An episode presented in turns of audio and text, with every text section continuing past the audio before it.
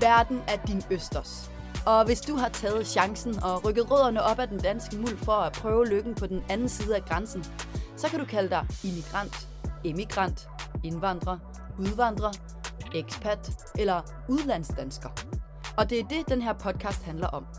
I hver episode vil jeg tale med en gæst, der har valgt at flytte til et andet land, fordi jeg længe har tænkt på, om vi, der søger andre græsgange end de danske, må deler nogle tanker, følelser og erfaringer. Og fordi jeg elsker en god historie. Især den slags, der fører mig til et forjættet land langt, langt borte. Jeg hedder Ditte, og du lytter til Noget at skrive hjem om. Velkommen til. Min gæst i dag tilbragte de første ni år af sit liv i Harrogate i England, indtil hendes danske ekspertforældre besluttede sig for at flytte tilbage til Sjælland. 10 år senere rejste hun alene til Sydafrika for første gang for at arbejde som frivillig på et dyrereservat, og siden har hun været volontør i flere hjælpeorganisationer og skoler i Afrika. Udvekslingsophold, et arbejde som au pair, praktikantjobs og en glupsk rejseløst førte hende vidt omkring, og da hun krydsede land nummer 38 af på sin liste, var hun sikker på, at hun for evigt skulle bo i sin kuffert og rejse verden rundt med et stort mediebureau, hvor hun kunne bruge sin handels- og marketingsuddannelse fra Copenhagen Business School men så blev hun forelsket. Det føltes som at komme hjem, da hun i 2019 satte sine fødder i den lille by Moshi i Tanzania, og kærligheden til Østafrika blomstrede kraftigere end nogensinde før. En aften mødte hun et helt særligt menneske, og heldigvis er Moshi lille nok til, at man kan støde på hinanden igen og igen. En aften på en bar blev til et venskab, venskabet udviklede sig til en romance, og sidste år blev de to gift i deres elskede Moshi. Sammen har de stiftet turfirmaet Msafiri Tanzania, hvor hendes marketing skills kan gro mere lokalt, og det er her hendes hverdag er. Men cirka to gange årligt tager hun til Danmark og dyrker kvalitetstid med sine venner og familie. Og i dag har jeg fanget hende på en telefon fra Charlottenlund. Det er mig en udsøgt fornøjelse at kunne præsentere Emma Gundelak. Eller skulle jeg sige Emma Gundelak Urasa. Velkommen til, Emma. Tusind, tusind tak. Glad for at være her. ja, jeg er også meget spændt på at, at tale med dig. Øhm, vi kender jo ikke hinanden. vi har kun lige sagt hej for et par minutter siden. Øhm, lige nu er du i Charlottenlund, som jeg sagde. Hvor længe øh, har du været i Danmark? Den her omgang? Øh, jeg har været her i øh, cirka lidt over en måneds tid. Okay, og hvor længe skal du øh, være der endnu? Øhm, kun omkring to uger, så tager jeg tilbage igen øh, til Moshi. Okay. Og Moshi, ikke Moshi? Ja, folk siger, folk siger det faktisk på, på begge måder. Nå, okay, okay. Der er rigtig mange danskere, der kalder det Moshi. Moshi? Jeg ved ikke, hvorfor jeg altid har kaldt det for mosh, Moshi. Nej. Ja, det ved okay. jeg ikke. Det, okay. Begge det tror jeg, man kan går. sige, som man har lyst til. okay. Hvordan det lige ruller i tungen. Okay. Øh, er din øh, mand med der i Danmark? Nej, han Nej. er øh, der, derhjemme, skulle jeg til at sige. Ja, derhjemme. Han ja, er, i Moshi. Ja. ja. ja, okay. Glæder du dig til at komme tilbage? Det gør jeg. Virkelig, virkelig meget. Det, okay. det begynder at trække, ja. trække meget. Ja, ja, okay. Så du har lige Så... noget at vende dig til at være i Danmark, eller er det bare sådan en lang hjertesmerte, når du kommer til Danmark efter at komme tilbage til Tanzania? Øh, den første måned, vil jeg sige, er helt fantastisk at komme til Danmark. Ja. Øh, man er høj på at se sin familie igen, sine veninder, komme ud og spise en god brunch i København. Mm. Altså, der er det bare, der er det helt fantastisk. Men jeg kan ja. godt altid mærke, at når jeg krydser den måneds grænse, så begynder jeg, så begynder Tanzania at trække og komme hjem til min mand og til min hverdag i Moshi. Mm. Ja, okay. Øhm, Sjovt, man har de der, ja. Man har de der sådan tidshorisonter, ikke? Ja, lige på, ja. ja. Jeg synes, en måned er meget. men ja. det er jo også, hvad man ligesom vender sig til, ikke? Ja, men jeg tror også, det er fordi, også med alle mine andre rejser, har, nogen, har de nogle gange lagt sådan lidt oven i hinanden, hvor jeg kun har været hjemme en uge eller to, og jeg synes, det bliver så stressende, fordi man vil nå ja. at se så mange, og man vil nå at være en masse sammen med sin familie. Ja, helt at, sikkert at man stresser så meget mere over det. Så der synes jeg, at en måned er ret rar, fordi jeg stadig kan, kan nå at se folk, men sådan stille og roligt, og jeg kan nå at se folk igen og igen, og mm. øhm, ja, og jeg skal også arbejde, mens jeg er her, og Ja, okay. Ja, og du kan måske endda også nå at have et par dage alene, eller et par halve dage for dig selv. Ja, lige ja. præcis. Fordi ja. at nogle gange så bliver man bare, ja, altså så bliver det bare for meget, hvis man altid skal være på farten og være omkring ja. mennesker. Ja. Så har jeg bare brug for, ja, at trække mig. Og det synes man ikke, man kan, hvis man kun har to uger hjemme. Nej, helt sikkert. Ja, så jeg synes, jeg synes en måned, den er, sådan, den er god. ja, okay. Og så begynder det også at trække. Så begynder man at savne Tanzania. Eller det, ja. det gør man jo øh, fra starten af, men ja. så begynder det virkelig at trække. Øh, ja. Og begynder også at være hårdt at være, at være væk fra hinanden. Øhm. Selvfølgelig, selvfølgelig. Ja. Hvordan har du det med, ud over det der med, øhm, altså at være væk fra din mand, men hvordan har du det med øh, det der kontrastfyldte liv? Altså det må være virkelig store. Nu har jeg aldrig været i Tanzania, men jeg forestiller mig, at der må være en rimelig stor kontrast i det liv, du har der, og det liv, du har, når du så er i, i Danmark. Helt vildt. Altså det er jo ja. vidderligt to så forskellige steder. Det kan ja. næsten ikke blive mere forskelligt. Nej. Øhm, men jeg tror, jeg har det meget, når jeg er i Tanzania. Altså, så er jeg der, og når jeg er i Danmark, så er jeg her.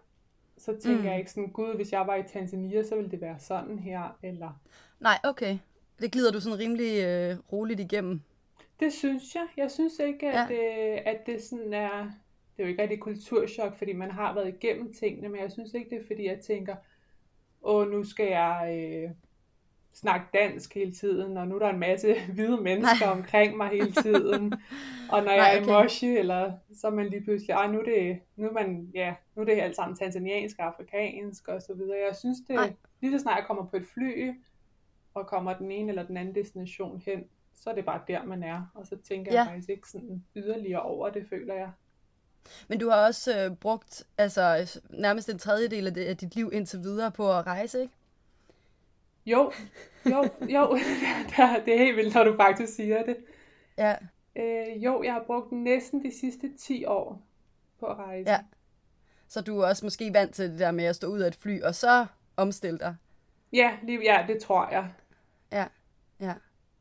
Du er i gang med en permanent flytning til Moshi, eller øh, ja, i hvert fald øh, noget mere sådan settle down. Øh, jeg så på din, øh, på din Instagram, at du, øh, du spurgte om nogle spørgsmål i forhold til byråkrati og sygeforsikring og sådan noget, øhm, i forhold ja. til at og sådan rigtig officielt flytte ja. til Tanzania. Øhm, føles det som en sådan stor beslutning for dig at gøre de der sådan officielle papirer, gør det, at du føler det som sådan mere øhm, ægte, eller at det kommer tættere på, eller ja.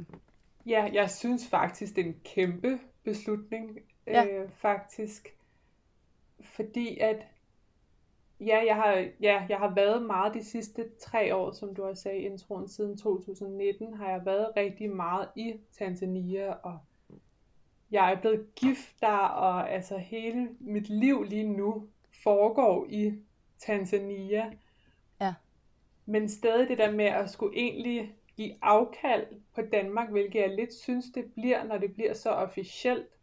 Mm den synes jeg faktisk er virkelig hård, fordi at okay. jeg ved godt, man altid kan komme hjem igen, og man kan egentlig også gøre det, som jeg gør nu, og komme hjem i en måned. Det er der jo ikke nogen, der siger, at jeg ikke må. nej, nej, nej. Men når det ligesom bliver så, ja, officielt på en eller anden måde, øh, ja, det synes, jeg, det synes jeg er lidt mærkeligt. Ja, så det, lige nu er det lidt mere skræmmende end dejligt, eller hvad? Lidt, Ja. Fordi at, øh, ja. sådan, jeg ved, at mit liv skal være i Tanzania, og, og det er det, jeg gerne vil. Og som sagt, så kan jeg, man kan jo altid komme hjem til Danmark igen. Det er ikke mm. fordi, man jo giver afkald på. Men det synes jeg alligevel lidt, det er. Jeg synes, det ja. er sådan lidt en, øh, en mere vild tanke, end man bare tænker, ja, jeg tager afsted, og så kommer jeg lidt hjem igen, eller tilbage til Danmark, og så tager man lidt afsted mm. igen. Ja. Men at det rent faktisk bliver sådan mere officielt at Tanzania ja. er mit hjem og mit land. Ja. Men, men gør du det også lidt for at slå rødder, altså sådan også for din egen sådan følelsesmæssige fornemmelse af, at det er der, dit hjem er? Ja, jeg tror, jeg, jeg synes nogle gange, så bliver man også lidt øh, splittet i at have ligesom to lande, og, mm. og selvom jeg er primært, som sagt, i Tanzania har mit liv der, så har jeg stadig, ved at jeg ikke, jeg er stadig et ben i Danmark, Øhm, mm. Og det synes jeg nogle gange også bliver sådan lidt forvirret og lidt splittet. Øhm, fordi så, ja, så har jeg har en lejlighed i Danmark, øhm, og den skal jeg også ligesom tage mig af, og så videre. Jeg synes nogle gange, ja. så står man der splittet imellem to lande, hvor jeg tænker, det er jo nemmere bare at fok- altså fokusere fuldstændig på et land. Ja, ja. Øhm, så så du, lidt... du har en lejlighed, som du leger ud, men, fordi lige nu er du hos dine forældre, ikke? Jo, lige præcis, fordi det var... Ah, okay. Øhm, ja, så jeg har en lejlighed i København, som jeg leger ud. Og som du så også er i gang med at, at opgive, eller hvordan? Ja, det skal så også opgive, hvis, øh, ja, hvis det er den vej, jeg ja. går. Men ja, jeg stadig ja, ja. er lige lidt ja. i, i livskrise over, hvordan det hele skal forløbe. Ja. Men, øhm. det forstår jeg godt. Det er også et virkelig stort skridt. Altså, det, ja. det er også... Øh, altså, jeg har... Øh, jeg kan ikke huske, hvad det hedder. Det hedder nemlig ikke at udvandre, men det hedder et eller andet officielt. når man, øh, når man øh, når man ligesom officielt øh, flytter ud af landet. Men, øh, men altså, det er Tyskland, og det er Europa, og det er EU. Også, altså, jeg kan godt forstå, at det er en stor beslutning, men jeg vil dog også sige, at det kan også være, det ved jeg jo ikke, hvordan du er skruet sammen, men det kan også være, at der kan komme noget rigtig lettende over at tage en stor beslutning, ikke? Ja, det tror jeg um, også, fordi det fylder meget. Øh, ja. At være ja. mellem to lande på en eller anden måde. Ja.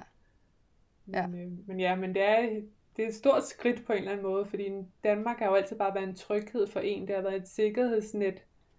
Øhm, ja. og det vil det måske ja. fortsat være, men det føles som om, man giver lidt afkald på det sikkerhedsnet ved at gøre det officielt.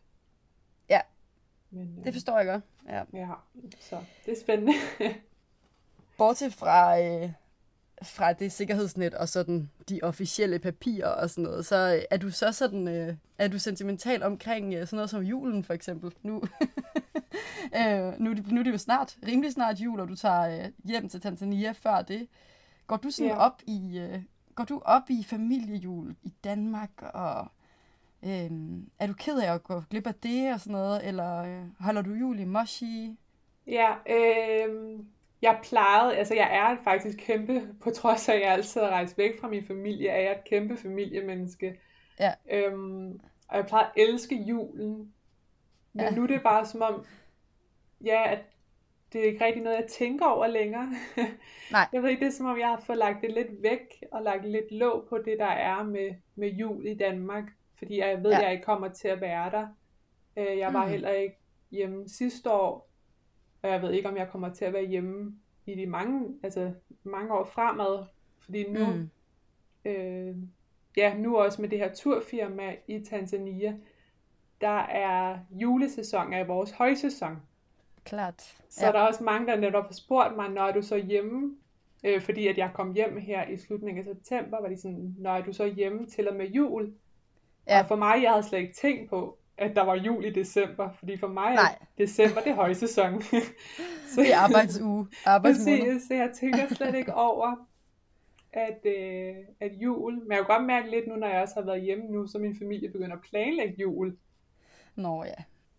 Men ja. alligevel ikke, så når de planlægger det, så er jeg også lidt sådan, nå jamen, det er jo bare ikke en del af. Men jeg tror, på, på selve dagen, det gjorde jeg også sidste år, der tog vi faktisk til Zanzibar over julen. Fordi ja. jeg godt kunne mærke, at hvis jeg skulle være i Moshi, som også som er mit hjem, men ja. vi har ikke alle de der sådan, familie, eller sådan juletraditioner, som jeg har hjemme i Danmark, så kunne jeg godt mærke, at det ville være lidt underligt for mig at være i Moshi. Okay, ja. Og så, så skulle jeg jul på en anderledes måde, så jeg tænkte, hvis man så bare tager væk, ja. så er det jo sådan, så er det helt anderledes. Ja, jeg vil også til Zanzibar til jul. ja, så vi tog nu til Zanzibar og tænkte, sådan tilbringer vi vores jul. ja, det lyder dejligt. Jeg, ja. jeg er ikke selv særlig øh, stor fan af julen, så det vil jeg til enhver tid vælge ja. over en dansk jul. Ja. ja. Det var dejligt, eller hvad? Det var det. Det var meget, ja. meget varmt. Meget ja. varmt, men meget skønt. Og holder din øh, mand jul? Ja, det gør de. Eller det gør han. Øhm, ja på, men de holder jul, de holder jul som i England. Øhm, ja. De holder jul den 25. Ja. Og er det de fleste i Tanzania, der er kristne og holder jul? Ja, altså, altså selve Tanzania fastlandet, lige så snart man kommer væk fra kysten, er de ja. fleste kristne. Der er selvfølgelig okay. også øh, muslimer, men de fleste er kristne. Men ja, på Zanzibar okay. og kystdelen er hovedsageligt muslimer. Okay. Ja. Mm. Okay, så skal vi til det. Jeg vil gerne tilbage til, øh, til begyndelsen af, yeah. af dit moshi-liv. øh, fordi du har en virkelig lang expat-historie, det har vi ligesom slået fast. Øh, du har boet rigtig mange steder, men, øh, men jeg tror, jeg vil fokusere på, på moshi, og jeg vil rigtig gerne høre lidt om første gang, øh, men måske især anden gang, du, du kom der til. Ja, ja, fordi ja, første gang jeg var der, var jo så tilbage i 2016. Ja. Øhm, hvor jeg var hos den her hjælpeorganisationen. Og det var helt fantastisk, og hjælpeorganisationen og børnene, jeg var tilknyttet, var helt fantastiske, men det var ikke fordi, at jeg tænkte sådan noget videre omkring øh, Moshi, fordi jeg bare var i det her gæstehus, og jeg var ude på den her skole, og jeg lærte ikke sådan Moshi at kende, som jeg så gjorde, mm. da jeg kom tilbage i 2019. Mm-hmm. Øhm, hvor jeg kom tilbage ved samme organisation. Men, øhm, men der fik jeg en, en god dansk veninde, sådan næsten lige efter jeg var landet. Okay. Øhm, og hun tog mig, på en, hun tog mig nok lidt under sin vinge, øhm, fordi at jeg kendte ikke sådan til Moshi, selvom jeg egentlig havde været der før. Mm. Så vi, øhm, vi, ja, vi blev rigtig tætte rigtig hurtigt, og var ude at drikke kaffe, og det var lidt igennem hende, jeg også lærte, hvordan Moshi fungerer som en by. Og var hun der også som, øh, som frivillig? Nej, hun, øh, jeg mødte hende faktisk bare nede i byen. øhm, Nå. Hun har studeret antropolog, så hun var der nede på noget feltundersøgelse. Ah, okay. Ja. Øhm, altså helt tilfældigt, eller havde I ligesom connected på en eller anden måde online? Øh, vi, vi fik en, øh, jeg fik en lokal ven igennem en, øh, en ven, som jeg havde fra Zanzibar af, da jeg var der i 2014 var det så. Mm. Og ham, han havde så en ven i Moshi, som han til, til, sådan, tilknyttede mig til, og han kendte så hende her. Så okay. ja, der er sådan, ja. Okay. Ja. Så jeg lærte hende at kende. Øhm, og så var det som om, denne her gang havde jeg meget mere frihed fra den her øh, organisation, og børnene var blevet større, så jeg var ikke så meget... Jeg arbejdede mere på min computer, end jeg havde gjort førhen. Mm. Øh, så jeg var meget mere sådan ude omkring, og jeg fik virkelig bare sådan en opfattelse af, hvordan Moshi var som en by, og det er, som vi også har snakket om, at det er en meget, meget lille by, mm. så man er altid ligesom samme sted, man får hurtigt sine stamsteder, og det synes jeg bare ja. var, var så hyggeligt øh, at finde ud af, mm. hvordan ja, sådan en by fungerer, og det er jo så anderledes i forhold til, øh, forhold til Danmark og Europa. Ja. Og jeg synes, det var sådan, ja, helt en leg med at finde ud af, hvordan en sådan, ja, tanzaniansk by egentlig fungerer ved at få en hverdag, for der var jeg virkelig sådan, okay, jeg vil prøve at se, hvordan jeg får en hverdag, og ikke bare er afhængig af min organisation og min husmor, der ja. ligesom sørger for mig. Men jeg vil prøve at ja, få min egen hverdag hernede. Ja. Øhm, og det synes jeg var virkelig, virkelig sjovt, og det var derfor, jeg virkelig sådan, okay, her, her kunne jeg altså godt bo. Altså her kunne jeg virkelig godt finde et hjem. Hvad var det, der føltes som hjem? Altså en ting er, at du tænkte, her kunne jeg godt bo, men vi har jo skrevet en lille smule sammen, øhm, og, og du sagde ligesom, at det føltes som som hjem på en måde, som ingen andre steder havde følt før. Kan du beskrive en lille smule, hvad det var, der gjorde det, eller har du en episode, hvor du kan huske, at det føltes særligt som et sted for dig, som var hjem? Jamen, jeg ved faktisk ikke, jeg ved ikke, jeg kan ikke rigtig pointere eller sådan tage noget ud, hvor jeg tænkte, det der, det var det, Nej. der gjorde det. Og det var også, altså, jeg var helt næsten blæst bagover for den følelse, jeg fik, fordi jeg var sådan, det her, det har jeg aldrig ja. følt før. Jeg har aldrig følt det i Danmark. Jeg har aldrig følt det i nogle af de lande, jeg har været i. Jeg synes, landene var nice at bo lidt i, men ikke, øhm, ikke sådan, nå, det er mit hjem. Nej. Men jeg tror bare, det var en sammenkobling af øh, af menneskerne, de lokale, at det er ikke fordi, de sådan, øh, hilser på dig, fordi du ved, og du er anderledes. Mm-mm. Men de hilser, altså de hilser vidderligt bare på alle. Altså Mm. alle lokale hilser på alle andre. Ja, okay. når man går ind i, altså når man sætter sig ind i en lokal bus, alle snakker sammen, og der er ingen, der kender Ja. hinanden. altså, Nej, okay. og når man så bliver en del af det, Ja. så er man bare sådan, ja, det er bare sådan virkelig en fantastisk ja, følelse, og så tror jeg også, at vi har jeg også lærte øh, hende her, den anden danske pige at kende, så tog vi på, øh, tog på nogle ture, ud til nogle varmekilder, ud til nogle vandfald, og jeg følte mig meget mere hjemme i naturen, end jeg nogensinde har gjort før. Jeg har aldrig sådan været den store naturelsker. Jeg synes, det har været meget fint, men jeg er mere sådan en... Jeg har altid set mig selv som en city girl. Altså, jeg skal Ja. bare have caféer og kaffe latte, og altså, Ja. rende rundt i shoppingcentre, og sådan, jeg har aldrig set mig som sådan en naturelsker, men det blev jeg bare Nej. der, og jeg blev det på en eller anden måde, hvor jeg var sådan, det her, det er jo meget federe, end at gå rundt i en stor by. Og sådan, jeg følte mig meget mere sådan mig, at der fandt jeg bare mig selv her, i denne her meget, meget lille tanzanianske by, Ja, hvor er det vildt. Altså. fandt jeg mig selv, og fandt jeg ja, som mit hjem, eller hvad jeg synes, det her, det skal bare være mit hjem. Så du jagtede ligesom ikke følelsen af øh, hjem? Nej, jeg var der bare, fordi jeg tænkte, Ja. her skal, skal jeg være i, øhm, i tre måneder på et praktikophold, ja. og så tager jeg videre igen. Og du Øh, drømte jo om at rejse rundt nærmest øh, for evigt, eller hvad? Ja, ja, fuldstændig. Jeg, øh, ja. Faktisk, mens jeg var i Moshi, den periode, var jeg ved at søge ind på en kandidatuddannelse i Barcelona. Ja, og jeg, okay. jeg, og jeg havde, øh, jeg havde planer om, jeg godt ville til måske Singapore og bo, øh, eller et eller andet. Ja. Jeg ville godt mere til Asien og prøve det af. Ja. Øhm, så jeg havde, jeg havde planer om, at jeg skulle rejse for evigt, hvis jeg kunne. Wow.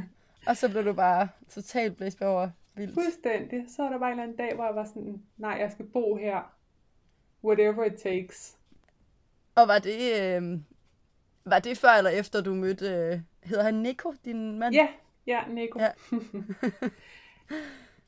øh, jamen, det var egentlig før jeg havde mødt ham. Okay. Jeg mødte Ja. ham allerede, jeg tror på min femte dag øh, dernede. Okay, Øhm, så jeg havde mødt ham, og vi var blevet venner, men, øh, men det var ikke fordi, jeg troede, at det skulle blive til mere end det på det tidspunkt. Nej. Øhm, så jeg blev klart forelsket i landet først, og havde min drømme om Ja. at bo der, øhm, før jeg egentlig fandt ud af, okay, vi skal være sammen. ja, ja, ja.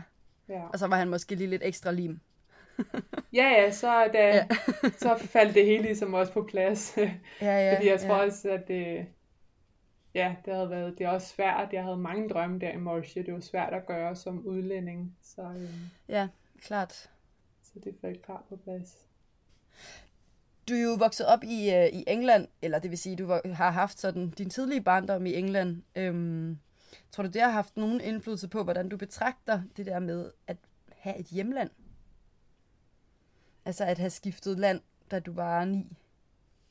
Ja, det tror jeg da godt, øh, nu når du også siger det, det kan have. Øhm, fordi det var jo, altså selvom det bare er fra England til Danmark, så som, som barn er det jo kæmpe forskel. Øh, og der Ja. var også en kæmpe forskel på at gå i skole i England, i forhold til mm. at gå Mm. i skole i Danmark. Øhm, Ja. og, der, og jeg, ja, og så, ja, vi talte dansk derhjemme i England, men ellers så foregik alt selvfølgelig på engelsk. Mm. Øhm, og det var jo også der, da jeg så kom til Danmark, så var man jo lidt den engelske pige i klassen, og jeg kunne godt tale engelsk, nej, tale dansk, Ja. men jeg kunne ikke skrive rigtig dansk. Nej, så klart. det skulle man til at lære som 9-årig. Ja, ja, ja, selvfølgelig.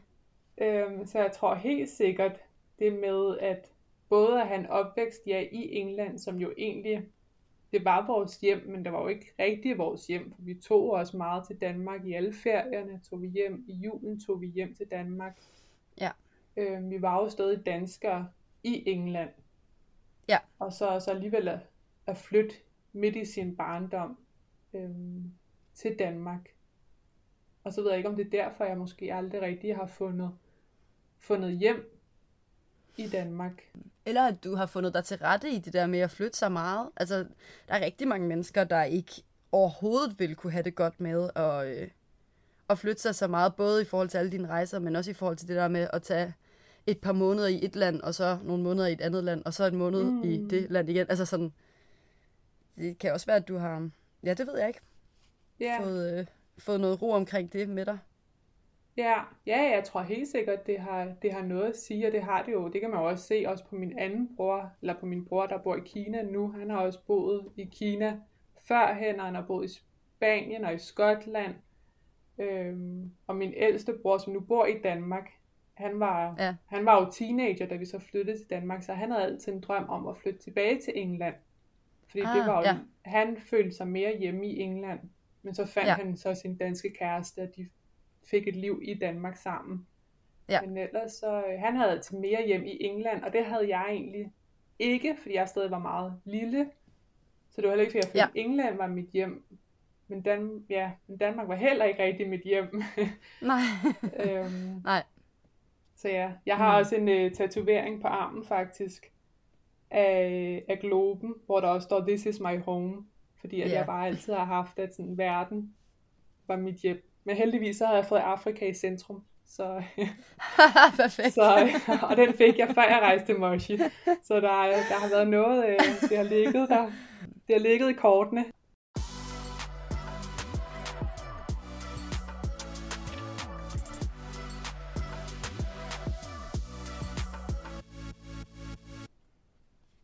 Når du selv ligesom altid har haft lyst til at rejse, og altid har boet alle mulige forskellige steder, synes du så, det kan være lidt svært at forstå, at der er nogle mennesker, som slet ikke har den interesse? Øh, ja og nej. mm. altså, jeg synes jo selv, det er så dejligt, så jeg vil jo så gerne have, at folk også får den oplevelse. Ja. øh, så ja. altid sådan til alle, rejs, tag ud, se verden. Ja, når man har midlerne, ikke? Altså. Præcis.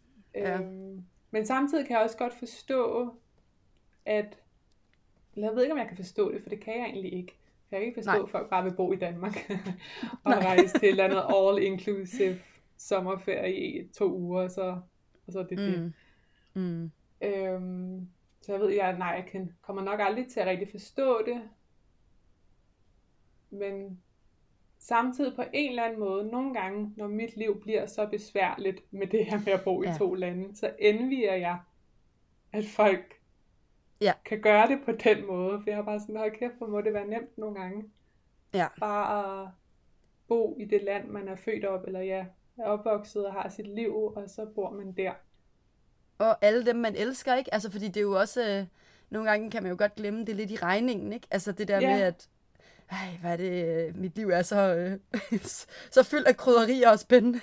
Præcis. øhm, men, men, men det der med, at dem man elsker er to forskellige, og så forskellige steder, kan godt være rimelig tough. Ja, præcis. Så nogle gange så bliver jeg faktisk lidt misundelig, hvor jeg også bare sådan, hvorfor, hvorfor er det ikke mig, der kan leve sådan et liv? Men så når jeg ja. tænker, tænker over den måde at leve på, så er jeg sådan, det kan jeg ikke. Altså det, Nej. det kan jeg heller ikke. Nej. Så, øh, ja. Møder du nogle fordomme om Tanzania fra øh, danskere eller nordeuropæere? Jeg møder mange sjove spørgsmål om Tanzania, ja. øh, som jo nok bygger på selvfølgelig fordomme om, øh, om Tanzania og om Afrika øh, generelt. Ja. Jeg har sådan lyst til at spørge dig, om du kan nævne et par fordomme, måske både nogen, hvor det er helt, altså helt forkert, men måske også et par stykker, som måske er rigtigt nok. Ja, altså, jeg tror, at den, det spørgsmål, jeg bliver stillet allermest, det er jo, om folk bor i rigtige huse, eller om alle okay. bor i lærhytter. Ja. Øhm, og det kan jeg egentlig også godt forstå, at folk spørger, for det er jo også det, man igen altså meget ser på, på medierne omkring Afrika og så videre. Ja. Og det ja. er der jo også. Der er også folk, der bor i lærhytter ude i, ude i landsbyerne. Ja. Øhm, men når man så også fortæller, at der er rigtige byer, og der er også skyskraber, og folk bor ja. i rigtige huse, og når jeg fortæller, at jeg bor i sådan et lej- ja, sådan lejlighedskomplex, kompleks. så ja. folk også, altså, så tænker folk også bare sådan, nå, kan det virkelig være Afrika? okay, ja. ja, okay. Eller at folk bare tror, at der er løver, altså over det hele, og ude i, ude i ens baghave ja. nærmest. Ja, ja. Øhm, og igen, forståeligt, når folk taler at snakke om Tanzania, det var meget safari og de vilde dyr, mm. og der er jo heller ikke nogen enhegning om nationalparkerne, så løverne kan Nej, okay. i princippet gå så langt de overhovedet vil. Øhm, Men måske vil de ikke ind og Nej. til, de er der, hvor der er, ja, hvor der er mad. hvor der er rart at være for en løve. Ja, ja, ja. præcis. øhm, ja. Så jeg tror, der er meget, ja, og sådan kan man gå i supermarkedet, for eksempel. Altså der er mange sådan mm. spørgsmål, hvor folk jo okay. bygger det på den fattige, hvis man kan sige det sådan, version, de har set af Afrika ja. eller af Tanzania. Mm. Og så kan de ikke rigtig se, at der er faktisk en normal side af mm. landet. Øhm, og folk har jo jobs, ligesom man har jobs hjemme i Danmark, og folk går i tøj, ja, ja. ligesom man går i tøj hjemme i Danmark. Folk bor i huse, ligesom vi ja. gør. Altså, ja. Det er jo selvfølgelig stadig anderledes, og Moshi ser også meget anderledes ud end København selvfølgelig. Øhm, ja. Men der er mange, der ikke rigtig ved, at der er også en, ja, det er jo ikke en øh, developed by eller land eller noget som helst. Mm-hmm. Men at vi heller ikke stadig er tilbage og kun har lærhytter, og folk ikke har nogen sko, og der løber over det Nej. hele. Altså, vi er, der er, det er længere end ja. det. Ja, ja. Jeg havde engang en, øh, en kæreste, som øh, var fra Tromsø, og der var mm. altså også nogle, øh, nogle turister, som var sure, når de kom til Tromsø, og der ikke gik isbjørn rundt i, i ja. altså ja. sådan, så, så øhm, ja, ja, det er jo også, nogle gange er det, må man også tilgive folk for ikke at vide bedre, end hvad de har set. Men, øh, Lige præcis, 100%. Men, ja, men på den anden side er det også måske lidt vildt, ikke at, ja, det ved jeg ikke. Ja, 100%. Ja, nogle lidt vilde spørgsmål nogle gange, måske. Ja, ja det er ret sjovt en gang ja. imellem. ja, ja, ja. En, jeg mødte, spurgte også bare sådan, hvad man spiser til aftensmad. Fordi man kan da ikke få spaghetti med kødsovs. Og så okay. var jeg bare sådan, jamen, hvorfor skulle jeg ikke kunne få spaghetti med kødsovs? Ja, ja. altså, det kan jeg da bare ja. gå ned i supermarkedet og købe ind til. Ja, og det var bare ja. sådan nogle, altså ja, vi spiser også meget ris og bønner, men man kan også mm. godt få pasta og burger og pizza, og ja, ja. det, det kan ja. være meget sjovt, de spørgsmål, man får en gang imellem. Ja, ja. Ja, måske skal vi spise lidt flere ris og bønner her i landet, eller her i, øh, ja. i Europa. ja, det er altså også lækkert. Men er der nogen, øh, er der så nogle fordomme, som lever, lever op til, eller hvad hedder sådan noget, er der noget, der lever op til fordommene? Er der nogle ting, hvor du tænker, den er sgu god nok?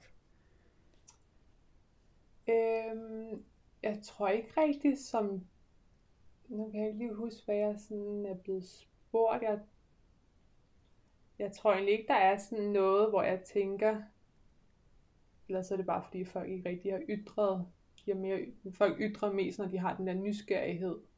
Ja. Øhm, så det er ikke lige, som jeg kan komme i tanke om. Nej, okay.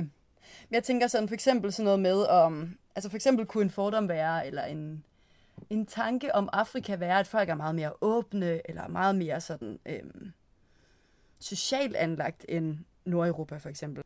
Ja, altså, er og det... hvis du sagde det, så vil jeg også sige, at det er helt rigtigt. ja, okay, okay. ja, jeg tror bare aldrig, ja. jeg har blevet fortalt det før. Folk de stiller meget mere de der lidt ja, undrende spørgsmål. Ja, okay. End, øhm, ja, okay. Men ja, men hvis nogen sagde lige det, du sagde, ja. så er det helt, helt korrekt. ja, ja, ja. Og hvad med sådan noget som øh, rytme og musik, at det fylder meget mere og sådan noget? Jamen, det igen, altså det er jo, så kommer det jo også meget an på ja, det afrikanske land, og ja. hvor man er henne. Ja. Øh, jeg vil ikke sige, jo, musik fylder i Tanzania, men jeg vil ikke sige, at det fylder lige så meget som i mange andre lande. Eller det kommer også igen an på, øh, på hvor man er henne i Tanzania, og hvilken stamme øh, man er. Der mm. er en, specielt nu tænker jeg lige på en stamme, der hedder Sukoma Tribe, mm-hmm. ja. som ligger helt op i det øst, nordøst, nej, nordvestlig del af Tanzania. Og de går virkelig, ja. virkelig meget op i musik og i dans, og de har deres helt egen ja, måde at skabe musik på og danse på og så videre. Øhm, ja, ja, okay. Hvor i, i Moshi og i den stamme, der er deromkring, og måske er det også fordi, at specielt inde i, inde i Moshi by, er det jo meget ungt, så er det mest bare, ja, du ved, normalt ved ikke, et eller andet afrikansk hiphop eller et eller andet. Okay, ja, ja, folk, okay. Som går op i. Men der er klart ja. nogle stammer, der har helt det der tromme, ja. øh, tromme musik og specielle danse og sådan og det ved jeg også, der er i mange andre afrikanske lande. Ja, ja, ja, ja. Det omkring, hvor vi er, synes jeg ikke sådan. Nej, okay. Ja. I mit første afsnit, øh, der talte jeg med Stine, som bor i Buenos Aires, og vi kom sådan helt kort ind på det der med, at man skal passe lidt på med at generalisere. Altså hun har en italiensk kæreste, og man skal yeah. passe på med det der med at generalisere omkring, at Nå, det er bare fordi han er italiener, at han er sådan og sådan, eller dårlig til at komme til tiden, eller sådan noget. Yeah. så selvfølgelig med, den, med det forbehold, at, øh, at alle jo er forskellige mennesker og sådan noget, så, så tænker jeg, om du har lyst til at fortælle en lille smule om det der med at leve i et multi, multikulturelt forhold, som du selv kaldte det. Øhm, yeah. Og om der er nogle ting, hvor det, hvor det kommer til udtryk, at I, øh, at I kommer fra ret forskellige kulturer. Ja, øhm, altså der vil jeg nu, det er lidt sjovt, jeg også nævnte det der med, eller du lige nævnte med, at ikke komme til tiden. Fordi okay. at det er Afrika kendt for. Ja. Der ja, er ja. Africa time. African time, ja. Lige præcis. Og det er ja. mange timer senere. End, okay, øh, ja, wow. End man lige troede, man skulle mødes. Øhm, men der er jeg så heldig, fordi jeg har ingen tålmodighed. Altså, okay, super. Så jeg, ja, så det er, og hele det her med, at Afrika, altså, eller ja, nu skal jeg heller ikke generalisere Afrika som et land, mm-hmm. men Tanzania, ja. at øhm, ja, alt tager tid. Ja. Altså, hold da Ja. Men, men så at være i et forhold, så er jeg rigtig lykkelig, fordi at min mand, han er altid et par minutter før tid. Nå. Fordi han har arbejdet med turisme de sidste 10 Ja. år, så der har han bare lært, at hvis man skal arbejde med turister og med vest, øh, turister fra vest, den vestlige verden, eller hvad man siger, Ja. så skal man være på pletten. Ja, okay. Så det er Klart. altså det pris, jeg var lykkelig for, fordi jeg Ja. tror simpelthen ikke, jeg kunne det der med, at man aftaler et vis punkt, eller et vis tidspunkt at mødes på, og så kan der gå flere timer, man sidder bare øh, og venter. Ja. Men Ja, det ved jeg, okay. der er mange andre, der er i, i tanzaniansk og dansk forhold, at det er meget normalt. så Okay, der tror jeg virkelig, øh, at jeg har været heldig. Ja, okay. Du har ikke siddet der og ventet i tre timer og spyttet i en drink til Nej, for at skulle på date. ja, præcis. Heldigvis ikke, fordi det, så tror jeg ikke, vi vil være her i dag. det Nej, okay. Ej, det er også, øh, det er også vilde omstændigheder på en eller anden måde, ikke? Eller sådan, Ja. Det er en vild kontrast. helt vildt. Ja, I forhold til i Danmark, så er man jo for sent, hvis man kommer en halv time for sent. Og ja eller kan 10 man minutter bare- nogle gange, ikke? Ja, jeg er også nu kendt i min vennegruppe, at jeg tager lidt Africa Time, for jeg kan godt lide Okay, at ja, ja, ja. 10 10-15 minutter for sent. Ja, ja. Ja, det er den største forskel i, øh, i kulturen.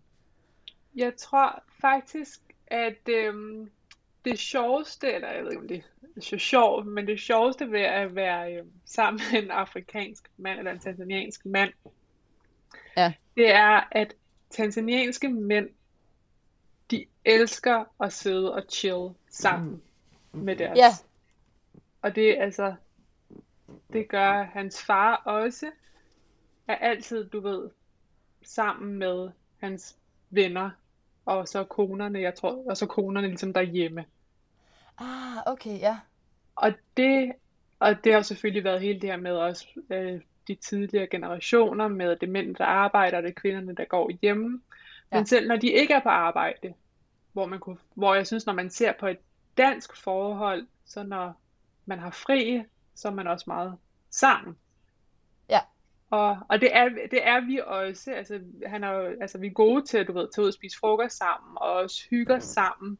Ja. Men når vi er hjemme i lejligheden, så sidder han altid ude sammen med vores nabo venner. altså altid. Okay, ja, Altid. ja, okay. Ja. Og jeg tror bare, det, det har jeg altid synes, det er så sjovt. Og det er ikke, fordi de laver noget. Og Nej. det er ikke, fordi at de altid sidder og snakker sammen. Men de sidder altid sammen. Og de sidder altid sammen uden for huset. Ja, Så der er altid det her med, at mænd skal ligesom være udenfor, og kvinderne er indenfor. okay, ja. Og, og det er så ikke fordi, at os kvinder, vi så mødes og snakker. Det kunne man Nå. måske godt, men vi er bare sådan indenfor. Ja, okay. Eller du ved, nogle gange er jeg så ude i byen, eller jeg laver alt muligt andet. Ja. Men de sidder altid sammen, og de sidder altid bare og chiller i flere timer. Og jeg synes bare, jeg synes det her bare synes altid er så sjovt, fordi at man ser det altid, hvis man går rundt i byen. Altså mænd, de sidder bare altid udenfor. Ja. Øhm, og det er det også sådan til, øhm, til begravelser, eller til, øhm, når der er en, der går borte i Tanzania, så Ja. øh, er der så fire eller fem dage efter, skal personen så begraves. Men i de fire dage, så kommer alle ligesom hjem til den, der er gået bortes familiehus. Og der Ja. skal mændene, der sidder mændene altid udenfor, og kvinderne er så inde og lave mad, eller de sidder bare indenfor. Og det er ikke fordi en kvinde må så gå ud og sidde sammen med mændene. Altså til begravelsen. Ja, til de der dage op til begravelsen. Nå, Så der er ah, sådan okay. fire dage, hvor alle ligesom bare samles ved familiehuset. Og så sidder Ja. alle mændene udenfor, og alle Ja. kvinderne er indenfor. Og er det en, ligesom, altså er det sådan en udtalt regel, eller er det mere sådan, det kan du fornemme, at det gør man ikke? Det gør, jeg spurgte også, øh, når jeg spurgte øh, Negos øh, lillesøster omkring, Ja. om hun ligesom måtte gå ud og sidde sammen med mændene. Og så var hun sådan, nej, nej, det må man ikke. Nå, okay. Så det er øh, selvfølgelig, når de bare, når det ikke har noget med begravelse at gøre, at mændene bare sidder udenfor og chiller, må man selvfølgelig godt joine, men det er der bare Ja. ikke nogen, der gør. Det er, Nej, sådan, okay. det er bare sådan en ting. Og det Ja, jeg huske, det synes jeg nogle gange var sådan lidt øh, sjovt og lidt underligt, at du ved, når jeg var inde i lejligheden, så ville han hellere sidde ude sammen med dem, selvom ja. de ikke lavede noget. Ja, ja. Altså, og vi er stadig gode til at tilbringe tid sammen og så videre, og vi bruger meget tid sammen. Ja. Men det er altid sjovt, når folk også ringer og spørger sådan, Nå, hvor er Nico henne? Så er jeg bare sådan, "Nå, han sidder udenfor. Jeg sidder udenfor. Nå, hvad laver han der? Jamen, han sidder bare og chiller, ikke noget. Og hvad med dig selv? Altså går du så aldrig derud, eller hvordan? Nej, ikke rigtigt, fordi så taler de også meget øh, Swahili og så videre. Ah, okay, ja. Så en gang imellem kan jeg godt finde på at sætte mig derud, men det er ikke rigtigt, for det virker også bare som sådan en mandeting. Okay, ej, hvad er det sjovt. Ja, det, Ja, det er en, det er en stor forskel. Ja, det kunne jeg ikke rigtig forestille mig, folk altså herhjemme også, når, når folk, du ved, mødes med andre par, er det ikke fordi, at alle mændene bare går udenfor. Nej. jeg det er sådan lidt mere blandet. Hvor det er tror virkelig også- også en ting dernede, at mændene går ud, eller går væk. Men Ja, også, okay. Hvorfor kan vi ikke bare alle sammen være sammen? Ja, ja, klart. Men du kan godt finde dig til rette i det. Det synes jeg. Jeg synes, man, altså, man vender sig til det. Ja, ja, selvfølgelig. Ja. Øh, nogle gange synes jeg, det er sådan lidt sjovt. Og så er jeg også bare sådan, ej, kom dog ind. Altså, Ja, og så er det bare sådan, okay, så kommer han ind. Mugge, hvad skal jeg så lave herinde? Ja, ja, så sidder jeg her. og det er også sådan, ja, når vi skal hjem til hans, øhm, hans forældre, så går vi først hjem til huset og besøger hans mor. Mm. Øhm, og så tager vi ned i byen for at finde hans far. Men de er ligesom sammen og sådan. Og så kommer, ja, faren kommer, ja, de er sammen. Faren Ja. kommer hjem måske klokken 6 om aftenen eller sådan noget. Ja. Men altså hele dagen render han rundt i byen og drikker kaffe med hans venner. Ej, Og bare sidder. Men kvinderne gør det ikke, for man kunne godt måske øh, have lyst til, at man så siger, så laver vi da bare nogle solide kvindeklubber. Ja, altså jeg tror nu også med de, selvfølgelig de nye generationer, så ser man også piger sidde på café, eller kvinder sidde på caféer og sidde og hygge sig. Så det Ja. begynder mere nu Ja. øhm, at, blive, at blive en ting for kvinder selvfølgelig også, der at komme ud af huset. Så det bliver en ting nu. Men Ja. ikke i hans, øh, i forældre, altså i hans forældres generation. Nej, nej, nej, der bliver hun ind. Okay, sjovt. Ja. Bliver du konfronteret med, øh, med danskeren i dig selv i sådan nogle situationer? Øhm, jeg tror, jeg har vendet mig så meget til ham som tanzanianer, Mm. at, øh, at det gør jeg faktisk ikke. Nogle gange tænker jeg sådan, okay, ville det også være sådan her i dansk forhold? Nej, det ville det ikke. Nå, ja, okay, men det er jeg Nå, jo heller ja, ja. i. Så, Nej, klart. så, nå, så, så er det sådan, det er. Men har du haft øh, venner og familie på besøg, som ligesom har, sådan, har kommenteret på det, eller? Nej, jeg har faktisk ikke haft nogen på besøg Nå, øh, okay. siden, så det er kun, når folk ringer, øh, hvor de bare typisk spørger, hvor, hvor er Nego? Ja. og så altid, jeg vil altid udenfor.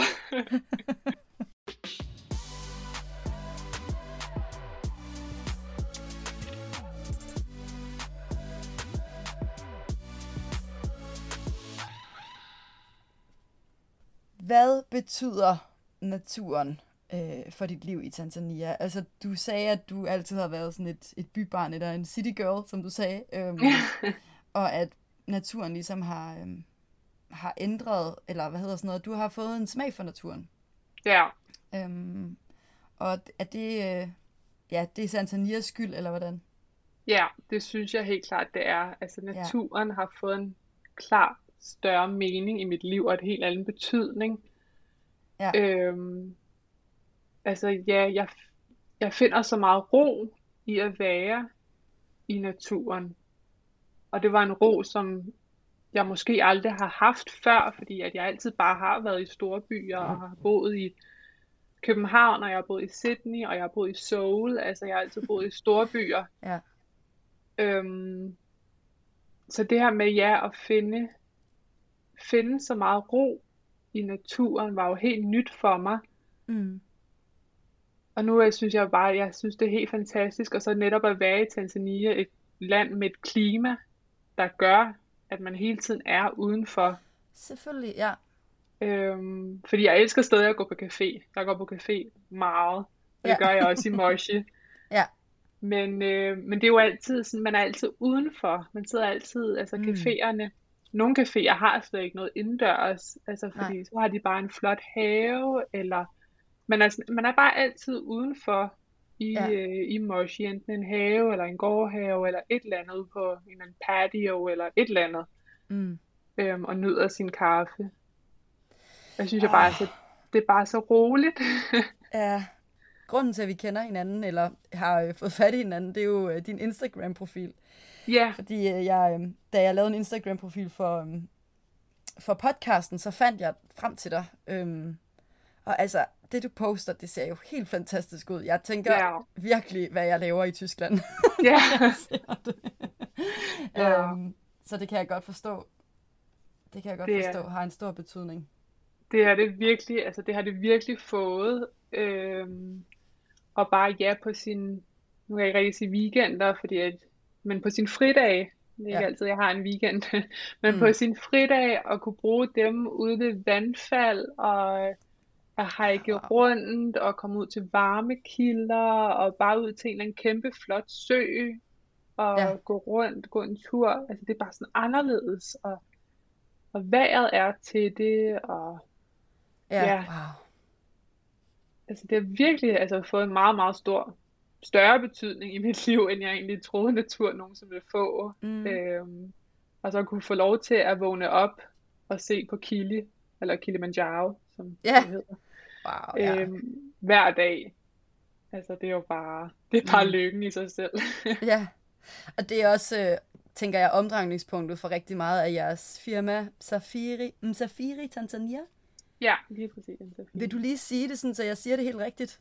Ja, øh, M. Safiri, M- Msafiri øh, Tanzania, okay. Tanzania. Ja. Øh, og jeg kan læse mig til på jeres hjemmeside, at Msafiri betyder traveler, altså en rejsende eller måske en eventyr på Swahili.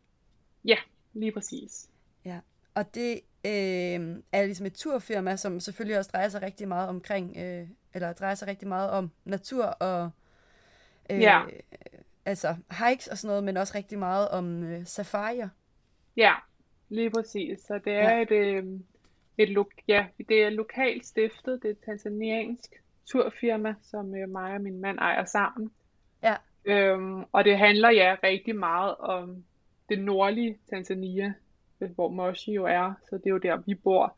Ja. Øhm, og safarier, fordi vi er relativt tæt på nationalparkerne, Mm. og selvfølgelig Mount Kilimanjaro og bjergbestigning, eller bestigning af Mount Kilimanjaro.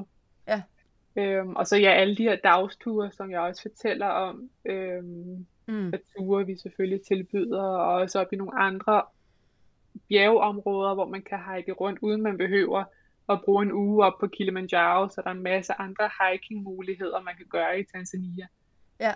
Øhm, så det er det, ja, vi specialiserer os for, hvis man kan sige det sådan. Så det betyder ja rigtig meget øhm, mm. for os. Og du sagde, at din mand har været i, øh, Nico har været i, øh, i turistbranchen i 10 år. Var det ham, der ligesom introducerede dig for safari? Ja, det var okay. det. Ja. Øhm, det. Jeg har været på safari i nogle andre afrikanske lande, men min første safari i Tanzania var sammen med ham for okay. et år siden. Ja. Øhm, så det er helt klart ham, der ligesom har introduceret mig til alle de her ja, mere sådan turistede ting i Tanzania, og de her lige dagsture, man kunne tage på, og, ja. og så videre. Ja, jeg, jeg har jo jeg har aldrig været på en, øh, en safari. Jeg har også kun været faktisk i Ghana i Afrika. Ja. Øhm, det er ikke øh, sådan safari-land. Øh, men, øhm, Nej. men, øhm, men jeg kunne se på din Instagram, at øh, man kan sove i telt på savannen, at det ligesom er sådan en, øh, en ting at gøre øh, som en del af en ja. safari. Jeg anede ikke, at safarier ligesom var flere dage lange. Øhm, Ja. Og, øh, og så kan jeg se, at du har skrevet, der er intet som at sove til løbebrøl. det, ja. det lyder bare virkelig vildt. Øhm, ja. Hvad er det bedste ja. for dig ved den tanzanianske natur? Jamen altså, øh, helt klart safari. Altså okay. safari er det mest fantastiske, der overhovedet findes. Altså, det er virkelig noget specielt. Altså en magisk, magisk oplevelse. Ja. At komme ud på, på altså, den tanzanianske savanne, og specielt i, i Serengeti, som er sådan et, altså, det er tror endda, det er større end Danmark. Altså, det er et kæmpe, kæmpe stort område. Ja. Og man wow. kører bare der rundt, og så ser man en flok elefanter, og så ser man en flok løver, og så ser man en, en leopard ja. oppe i et træ. Og... Ej, wow, ja. Øh, og ja, man kan lave, lave det som en camping safari, hvor man ja. sover i, hvor man bare slår et helt almindeligt ja, telt op ja. ude midt på savannen. det er vildt. Øh, ja, det er det. Det, ja, det er helt, altså jeg er også en fantastisk, hvis man vil have lidt mere komfort, så kan man også bo i sådan nogle tented lodges, øhm, ja. hvor det er permanent, det er også et telt, men det er sådan, ja, et permanent, lidt ligesom glamping, permanent ja. telt med seng og bad og så videre. Mm. Men også midt ind i det hele. Og ja, så kan man jo høre løvebrøl og hyæner, der griner, eller hvad det er for nogle lyde, de laver. Ja, ja, ja. Og nu kommer der sådan et rigtig dumt spørgsmål, men er det ikke farligt? det er der mange, der spørger. det kunne jeg forestille mig. ja. Øhm, altså man kan, jo aldrig, man kan jo ikke rigtig sige nej, det er det ikke, fordi man har jo med vilde dyr at gøre. Ja. Øhm, men jeg vil heller ikke sige, at det er farligt. Nej. Fordi det, altså, det er meget, meget, meget sjældent, man hører om, at der sker et eller andet ude på en safari. Okay. Fordi at dyrene ser ikke mennesker som noget. Øhm, de ser ikke mennesker som mad. Eller, okay. Og det, også når de altså det her med, de ser jo ikke, man er jo også ind, hele tiden inde i bilerne, på, altså inde i de her safari-biler. Ja. Øhm, og dem tager de så slet ikke af, og de ser ikke, når der er, hvad man kunne forestille sig, mad inde i den her bil. De ser bare det her køretøj. Ja, ja, okay. Øhm, og de her telte og hoteller, der ligger derinde, ser de også bare som en bygning. En, når der er en masse mad inde i bygningen. Ja, okay, altså, de, ja. de ser bare ting, ikke rigtig sådan, at menneskerne er der. Nej, okay. Øhm, så jeg synes slet ikke, at men jeg, jeg synes i hvert fald ikke, når jeg har været på safari, at, at jeg er bange for, at, øh, at nu bliver jeg et af en løve, eller et andet. Det er slet ikke noget, jeg synes, man tænker. Selvfølgelig første gang, nu tror jeg, ja. at jeg har været på en del safarier til at sidde og spille smart her. Ja. Øh, jeg synes også, altså ja. første gang man er der og lige kigger ind i en løve, løvens øjne, ikke? Jo, wow. Lige en meter fra en, så tror jeg, at man lige, altså, så øh, slår hjertet lige et ekstra slag, og man lige, ja, ja. Uff. Eller Ja, også wow. elefanten er jo kæmpe. Ja. Der synes jeg også, da vi var på safari der for et år siden, at der kom en elefant lige tæt nok på vores bil på et tidspunkt. Okay. Fordi at den så vores bil som et lege, lidt et legetøj. Ja, vi vil godt Ja. lige lege lidt med os. Ja, Der, Der kom kan lige lidt for elefant- tæt på. ja, der kan den Der godt er være farligere end en løve. Ja, der var altså lige om lidt, så vælter den altså vores bil. Ja, okay. Wow. Wow. Øhm, så ja, Ja. ja, så man skal selvfølgelig have kæmpe respekt øhm, for dyrene, og det har guidesene også, dem der Ja. kører, kører rundt med en. Det er klart. Ja. Øhm, så der er selvfølgelig tager hensyn til alle sikkerhed og, og det hele. Øhm, Ja. Men ja, men det er en helt vild oplevelse. Og øh, apropos jeres firma Safiri Tanzania, hvordan er det for dig at gå ind i livet som selvstændig? Øhm, ja, hvordan, øh, hvordan opstod ideen, og, øh, og var det fordi, du følte dig fanget i sådan et 9-4 job, eller hvordan? Ja, ja, ja, helt sikkert. Ja. Øhm, jamen jeg har, altså siden jeg, det var lidt siden jeg ligesom fandt den der, fik den der følelse af, at Moshi skulle være mit hjem for lidt over tre år, eller cirka tre år siden nu. Mm, Der fik jeg også følelsen af, at jeg skal, jeg skal være min egen chef, eller jeg skal lave et eller andet selv. Jeg skal lave et eller andet, der giver mening Ja. i mit liv. Ja. Øhm, og det har selvfølgelig været lang tid undervejs, og jeg har også haft et job i, i mellemtiden herhjemme og så videre. Men Mm. det har altid været med formål for, at jeg skulle øh, drive noget selv på okay. et tidspunkt. Og jeg Ja. har, øh, jeg har den store drøm om at øh, bygge et hotel i Tanzania. Okay. Øhm, og det sker forhåbentlig også en dag. Vi har et stykke land, og det kommer jeg også til at vise meget mere om på min Instagram, øhm, Uh, når jeg spændende. kommer tilbage. Vi Ja. har et stykke land, Ja. så der skal bygges noget på et tidspunkt. Mhm. Øhm, og ja, men det var altså, det var alligevel lidt for, lidt for langsigtet.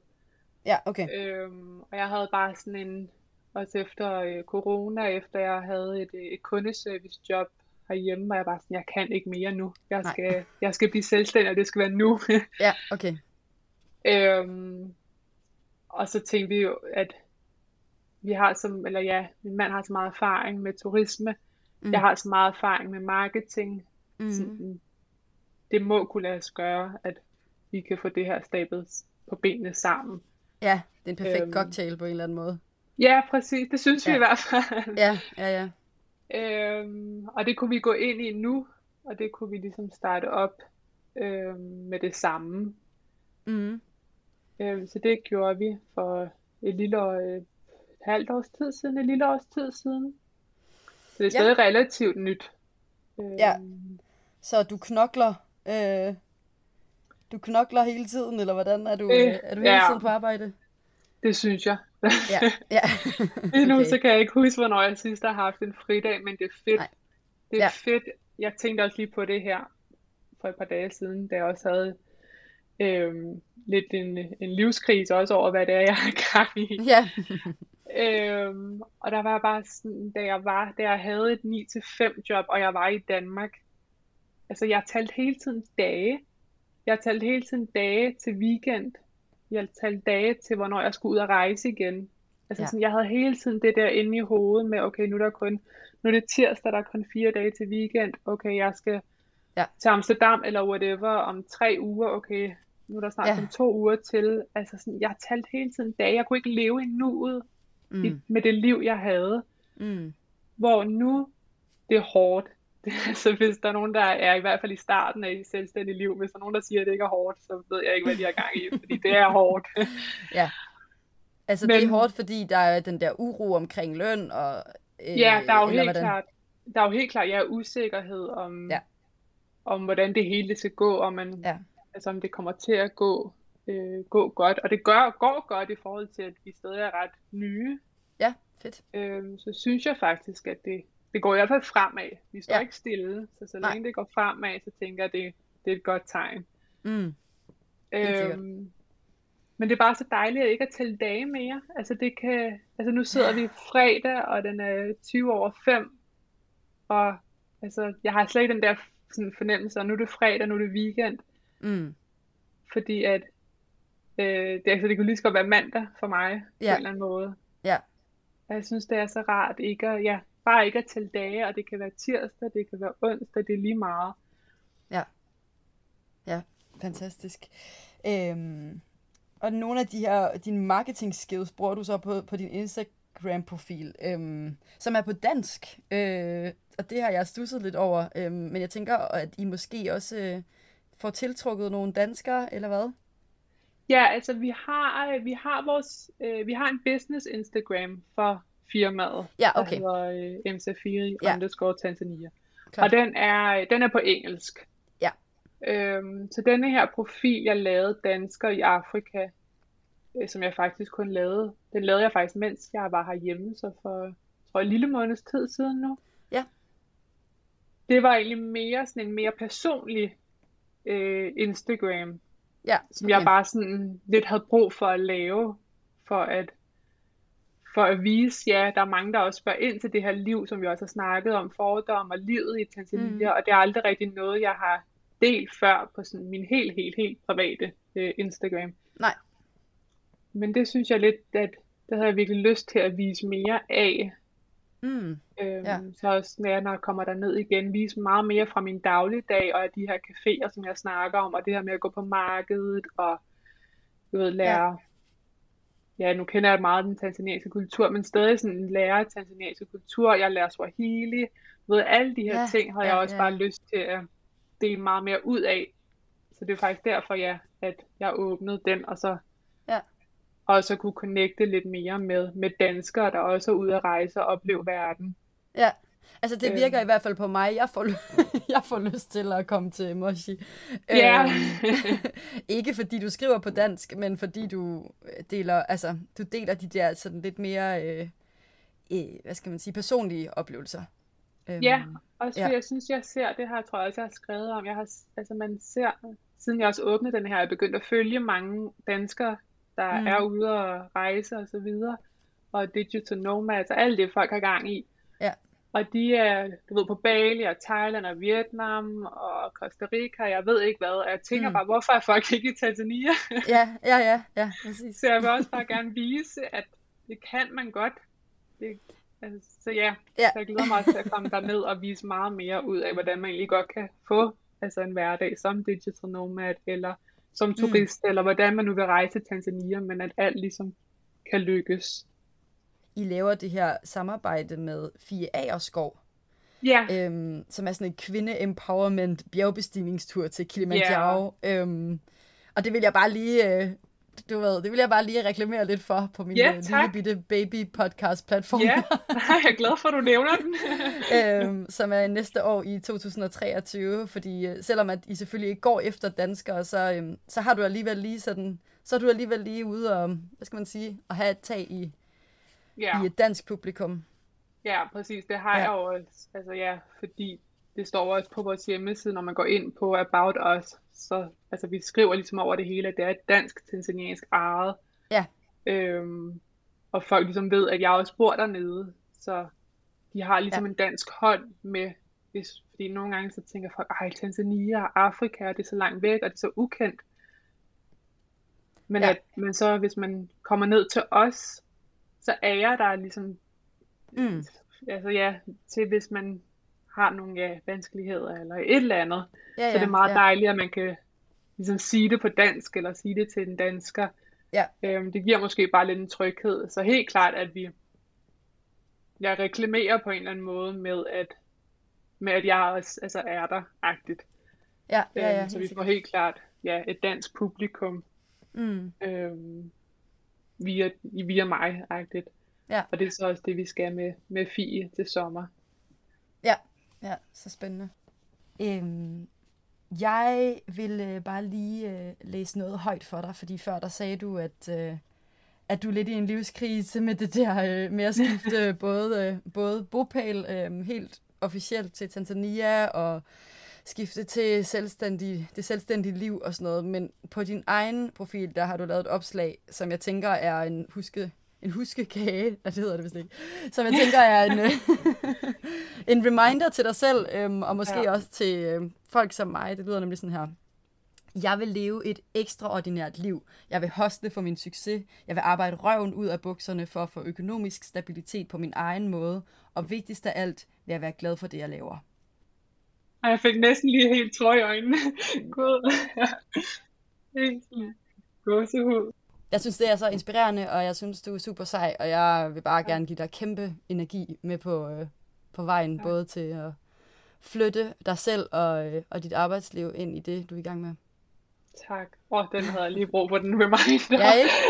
ja, den faldt på et tørt sted. Ja. ja. Så vil jeg øhm, spørge dig ind til, øhm, til noget helt andet. Øhm, igen på din Instagram-profil, der skriver du øh, på et tidspunkt lidt om den her ambivalens omkring at besøge indigenous communities. Yeah. Øhm, altså oversat til øhm, oprindelige folk eller stammer indfødte. Ja. Øhm, og omkring den her sådan ambivalens omkring, at det er enormt interessant at lære om andre menneskers kultur med respekt, men også risikoen for ligesom at gøre mennesker til seværdigheder eller turistattraktioner. Mm. Øhm, og sådan, jeg har sådan tænkt på, hvordan jeg ligesom skal komme ind på det, men det er jo ligesom, øh, øh, altså der er jo den her, øh, hvad skal man sige, det kan være et lidt svært emne at tale om, øh, yeah. omkring det her med at være øh, den hvide med privilegierne, øh, den hvide vesteling med privilegierne, der kommer. Øh, og øh, ja, og, øh, og er turist øh, omkring nogle mennesker, som bare lever deres liv og sådan noget. Hvad tænker du, øh, hvad er dine tanker omkring det, sådan i forhold til, at I driver med turisme? Jamen, altså jeg vil sige, som hvad vi egentlig gør, altså vi laver selvfølgelig de her dagsture og ture, hvor man kan komme ud til øh, massajerne, som mm. er sådan hovedstammen. Der er også nogle andre stammer, man kan komme ud til, men det er sådan en hovedstam, man ligesom kender, og den man gerne vil måske lære mere om. Mm. Øhm, og jeg havde bare så meget forbehold også for selv at tage dig ud. Ja. Jeg, jeg synes, det er bare sådan lidt underligt, at man betaler penge for, ja. at man skal lære om en anden persons liv. Ja. Øhm, men jeg synes også, og så igen så må jeg også være sådan, okay, men de tjener jo så rent faktisk penge. Altså, mm. de har, altså det er jo en måde, de lever på, så de vil jo så gerne også så ja. skal, altså vise frem og så videre. Ja. Øh, men jeg bare husker, at jeg altid har været meget sådan, ja, i hvert fald tage meget forbehold til de her øh, stammeture, man nu kan komme på. Ja. Øhm, og da vi så også, det billede jeg også lagde op, der tog vi jo så selv ud og skulle se, hvordan det foregik. Selvfølgelig også før vi sender nogen, nogen derud. Mm. Øhm, og ja, det, det kan være lidt opstillet, og de sådan, nu, nu skal man, der er et ritual for i hvert fald Masai mænd, at de drikker blod fra dyret. Wow, okay, ja. Øhm, så der var jo hele det her chance, når man kom, og de kiggede på mig som turist, og, ja. Og nu skulle vi skåle i blod, for de skulle velkomme mig ind til familien og så videre. Det var selvfølgelig rød saftevand, eller hvad det nu var. Okay. og det er jo selvfølgelig, okay, ja, en lidt, øh, lidt turistet opstilling. Mm. Øhm, men når det så er over, og man rent faktisk bare får lov til at snakke med dem, og det kan godt være, at man så tænker, okay, jeg har betalt penge for at snakke med dig. Ja. Det er måske sådan lidt underligt, men det er stadig bare så spændende at høre om det, fordi det er så, altså så anderledes mm. end, øhm, fordi altså i Kilimanjaro, i Moshi, der hvor vi bor, er hovedstammen Chaga, som ja. det er fordi jeg vil sidde og sige, at de ikke er spændende, men de er bare ikke så anderledes. De er meget almindelige mennesker, hvis man kan sige det sådan. Det er måske også forkert at sige. Men de har ikke sådan rigtig de her livsritualer, eller som Masajerne eller nogle af de andre stammer har. Mm. Øhm, så det er helt klart Masajerne, man ligesom tager ud og hører om. Ja. Og, og de er jo selvfølgelig også i Moshi, men så er det også lidt underligt at gå op til en på gaden og være sådan, hej, jeg vil gerne høre om dit liv. Øh, kan, kan du ikke lige fortælle mig om øh, en sjov ritual, I har? Ja, ja. øhm, og det er jo dem, når man kommer ud til Masai-stammerne øh, på de her ture, så er de der jo for at fortælle.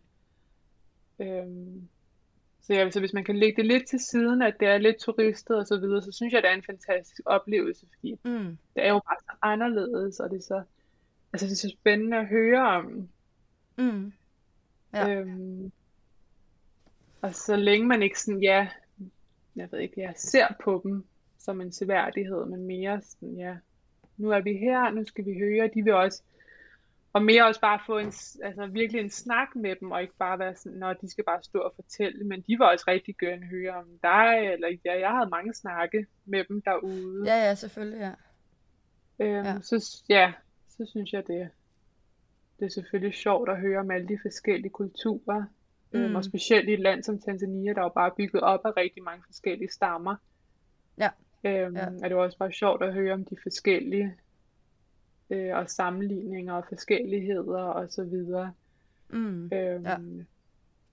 Så ja, jeg synes, det er helt klart spændende, men ja, også ja, lidt anderledes måske. Eller ja, noget... lidt ambivalent eller sådan. Ja, ja. ja.